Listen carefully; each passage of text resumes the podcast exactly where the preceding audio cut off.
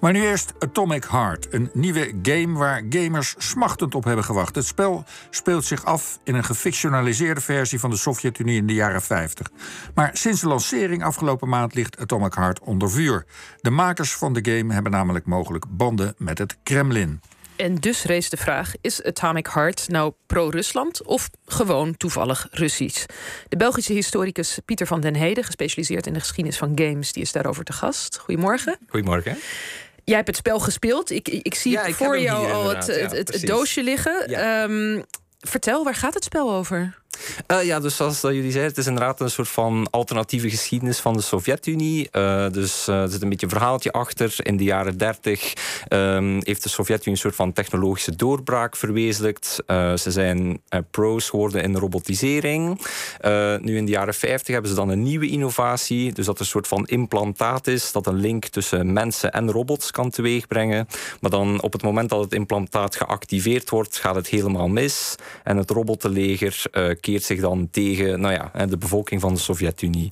Uh, en uh, dan is het aan de speler om het te gaan oplossen. Uh, en, en, en, de speler staat aan de kant van de Sovjet-Unie. Ja, dus je bent een soldaat Voor de ja, ja, van de Sovjet-Unie. Maar door het spel kom je er dan geleidelijk aan achter dat, het ook, dat er meer achter zit. Ja, ja precies. En die game die heeft dus nogal wat losgemaakt. De Oekraïnse regering die riep begin deze maand op om de game te verbieden. Hm. Wat is precies de kritiek? Nou, ik denk dat je eigenlijk vooral het spanningsveld ziet tussen een geopolitieke lens, de oorlog in Oekraïne, um, en de dynamiek die je in de game-industrie uh, ziet. Um, de kritiek is heel erg gericht op, uh, nou ja, enerzijds misschien verheerlijking van de Sovjet-Unie, dat dat spel dat naar voren zou schuiven. En anderzijds ook dat er linkjes zouden zijn tussen de makers van het spel um, en dan een bedrijf als Gazprom bijvoorbeeld, dat dan natuurlijk ook weer links met het Kremlin heeft. Dus dat het indirect zou bijdragen aan de financiering van de oorlogsmachine. Ja van uh, Rusland. Maar je zegt nu al wat, eh, wat ik niet meteen direct kan volgen. De makers van het spel, wat hebben die met? Die hebben weer iets met Gazprom te maken. Hoe, hoe zit dat dan precies? Nou, dat heeft meer te maken met hoe de financiering zit. Dus toen de makers uh, in 2017 of zo geld gingen gaan verzamelen, dan hebben ze van verschillende investeringsbedrijven gewoon kapitaal mm gekregen. Uh, een daarvan is GEM Capital, dat is een Russisch investeringsbedrijf.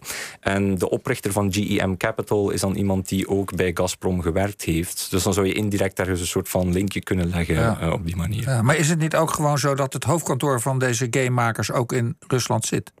Uh, ja, wel, dat is een beetje gelaagder. Dus ze hebben een kantoor in Cyprus. Eh, mhm. maar ze hebben ook twee van hun kantoren zitten ook in Moskou en Sint-Petersburg. Dus qua achtergrond is er heel duidelijk een Russische link in dat opzicht. Ja, ja, ja. ja. dus de, de, de critici hebben eigenlijk gelijk.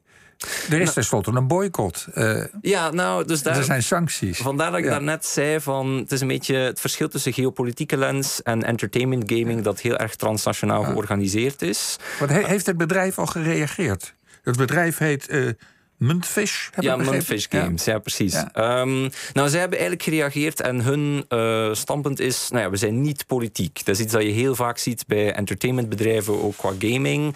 Um, ja, zo'n bedrijf wil natuurlijk vooral winst maken en ze willen zoveel mogelijk spelers in Noord-Amerika en Europa nou ja, aantrekken. Mhm. Dus als zij dan heel expliciet stelling gaan nemen in de oorlog vandaag, dan vervreemden ze eigenlijk al nou ja, het grootste deel van hun doelpubliek. Dus dat proberen ze nu heel nadrukkelijk niet te doen.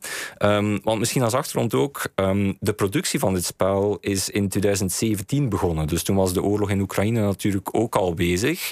Um, maar natuurlijk lang voor het incident uh, van de invasie zoals we die nu gezien hebben.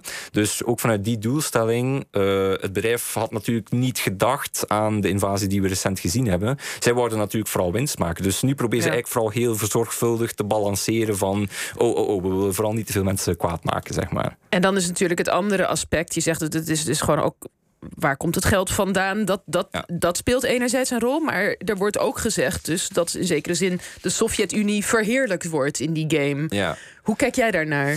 Uh, dus ik heb het zitten spelen uh, en ik zou zeggen dat dat zeker niet het geval is eigenlijk. Um, wat dat je in het spel ziet is, en dat is een beetje een genre trope binnen gaming. Uh, het is een schietspel waarin dat de setting, dus een fictieve Sovjet-Unie, gebruikt wordt om een soort van ideologisch principe te verkennen. En het is toch heel erg het idee van Sovjet-totalitarisme. Mm daarin staat technologische ontwikkeling voorop, maar de menselijke gevolgen daarvan zijn ondergeschikt.